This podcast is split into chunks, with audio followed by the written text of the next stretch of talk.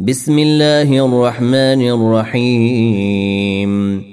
إذا زلزلت الأرض زلزالها وأخرجت الأرض أثقالها وقال الإنسان ما لها.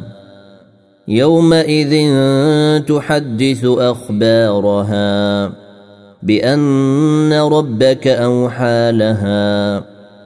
يومئذ يصدر الناس أشتاتا ليروا أعمالهم فمن يعمل مثقال ذرة خيرا يره ومن يعمل مثقال ذرة شرا يره.